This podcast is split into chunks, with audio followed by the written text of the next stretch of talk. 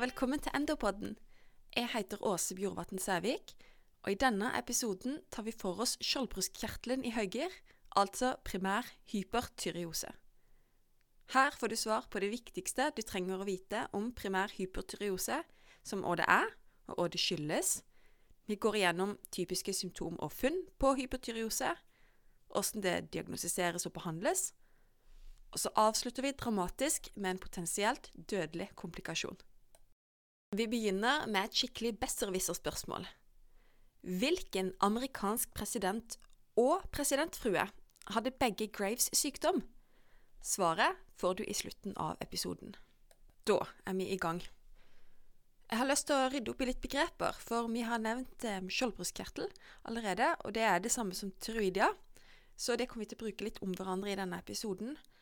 Men vi har nevnt to andre ord, primær hypotyreose og Graves sykdom. Og selv om disse ordene òg blir gjerne brukt om hverandre, er de strengt tatt ikke helt synonyme. Hva er forskjellen? Primær hypotyreose er den generelle betegnelsen, eller paraplybegrepet om du vil, på at skjoldbruskkjertelen produserer altfor store mengder stoffskiftehormon. Husker du hva stoffskiftehormonene er? Helt rett T3 og T4 og i 80% av tilfellene er årsaker autoimmunitet. Og det er den autoimmune formen for hypotyreose som kalles Graves sykdom. Og dersom du gjetter at Graves er oppkalt etter legen som først beskrev det, da er det ti poeng til det. Faktisk er det samme fyren som fant opp andreviseren på klokka, men det får være en annen historie. Tilbake til hypotyreosen. Vanligvis fører autoimmunitet til at vev ødelegges, men ved Graves sykdom er det annerledes. Ved Graves har man et antistoff som kalles TRAS, og det står for tyroidia reseptorantistoff. Det som skjer, er at TRAS binder seg til reseptorer i skjoldbruskkjertelen og stimulerer disse. Resultatet er at kjertelen produserer mer og skiller ut mer stoffskiftehormon. Men hva med de tilfellene som ikke er Graves? I noen tilfeller er det ett eller flere områder av tyroidia som rett og slett produserer for mye hormon, som ved toksisk adenom og toksisk knutestrume. Hypotyreose kan også utløses av medikamenter. Og et klassisk eksempel her er amiodaron, som bl.a. brukes i behandlinga av atrieflimmer. Vi må òg nevne subakutt tyreoditt, òg kalt decurvines tyreoditt. Dette er en betennelsestilstand i tyroidia, altså en tyreoditt, og den går vanligvis over av seg sjøl. Tyreoditten oppstår typisk etter en virusinfeksjon, og den gir pasienten en berg-og-dal-bane av et stoffskifte. Først får pasienten høyt stoffskifte i noen uker, og har gjerne øm hals og kanskje influensalignende symptom. Men så roer symptomene seg, men til gjengjeld får pasienten hypotyreose gjerne mild, men det kan vare i noen måneder. I løpet av et år vil likevel stoffskiftet som regel ha normalisert seg.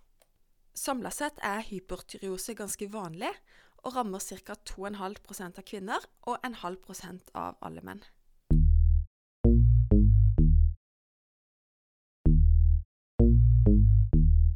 Når skjoldbruskkjertelen er i høyger, blir kroppen i høyger hvilke symptom pasienten har, og, og kraftig de er, kommer bl.a. an på hvor gammel pasienten er, og hvor lange sykdommen har stått på, og selvfølgelig hvor stor overproduksjonen av hormoner er. Sykdomsbildet kan derfor variere fra veldig mildt og til livstruende. Pasienten kan fortelle om hjertebank og diaré, økt appetitt og ufrivillig vekttap.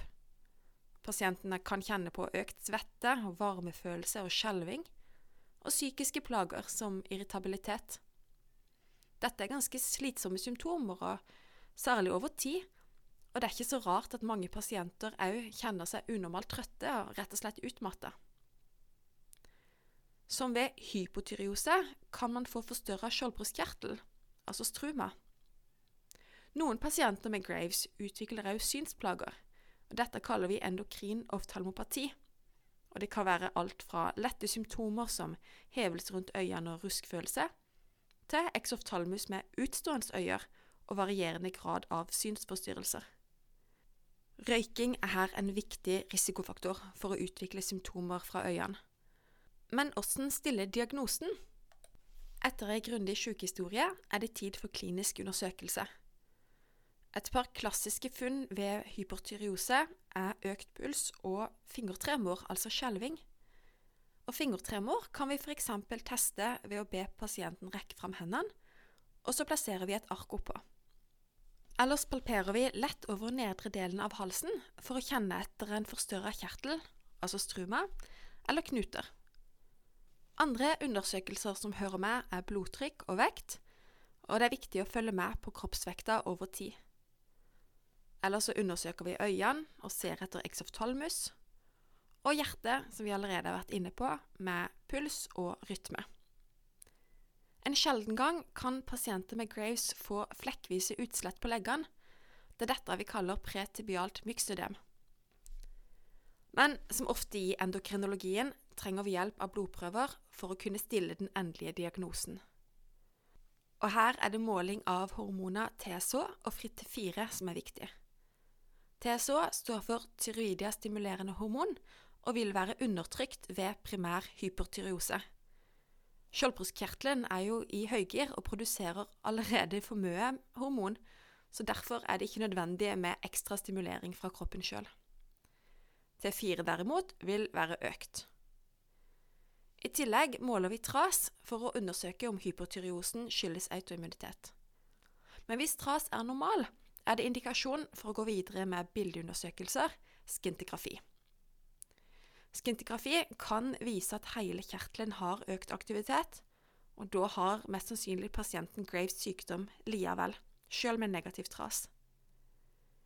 Men skintigrafien kan òg vise økt opptak i et avgrensa område, som ved toksisk adenom, eller i flere områder, som ved toksisk knutestrume. Er det ikke noe særlig opptak på skintigrafien, så tyder det på subakutt tyreoditt.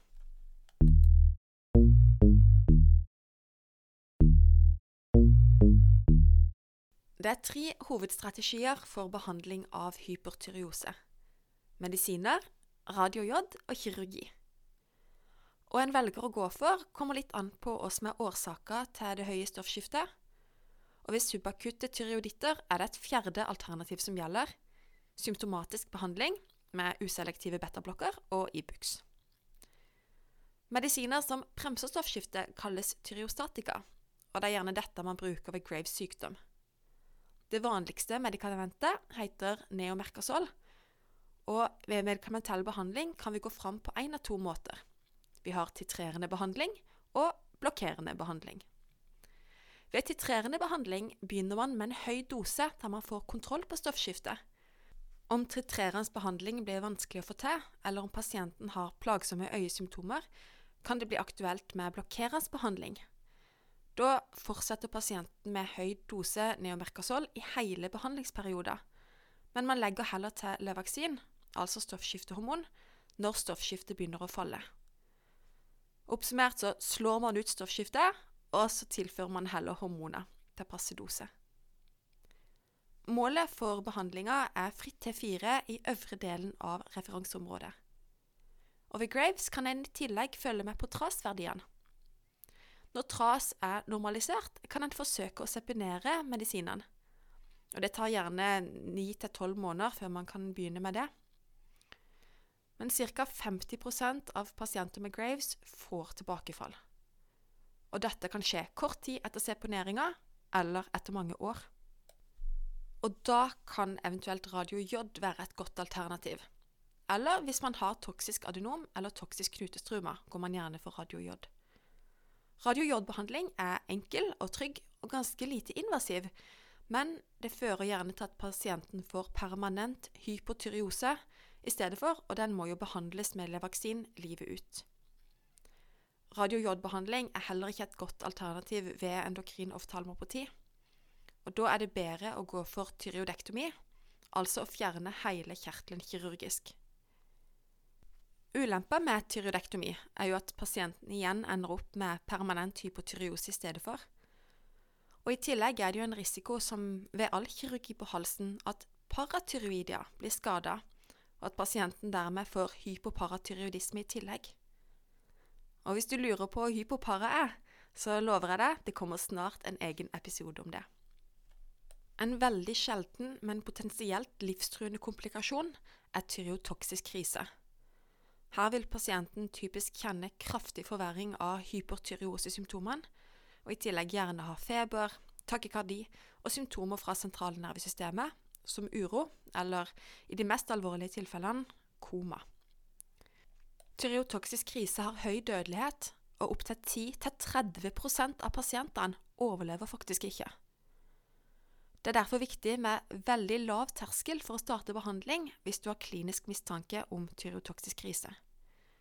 Vi skal ikke gå inn i detalj på behandlinga, men viktige stikkord her er store doser tyreostatika, hydrokortison, betablokker og væske intravenøst. Før vi avslutter, må vi svare på spørsmålet om hvilken amerikansk president og presidentfrue som begge hadde Graves. Svaret er George Bush senior og kona Barbara Bush. Hunden deres Millie hadde forresten SLE, altså systemisk lupus erytomatosis, men det får bli en annen podkast. Takk for at du hørte på. Har du spørsmål eller ønsket et tema eller ris og ros, Fyr løs på Facebook-sida vår, eller send oss en e-post til endopodden krøllalfa uib.no. Vi høres!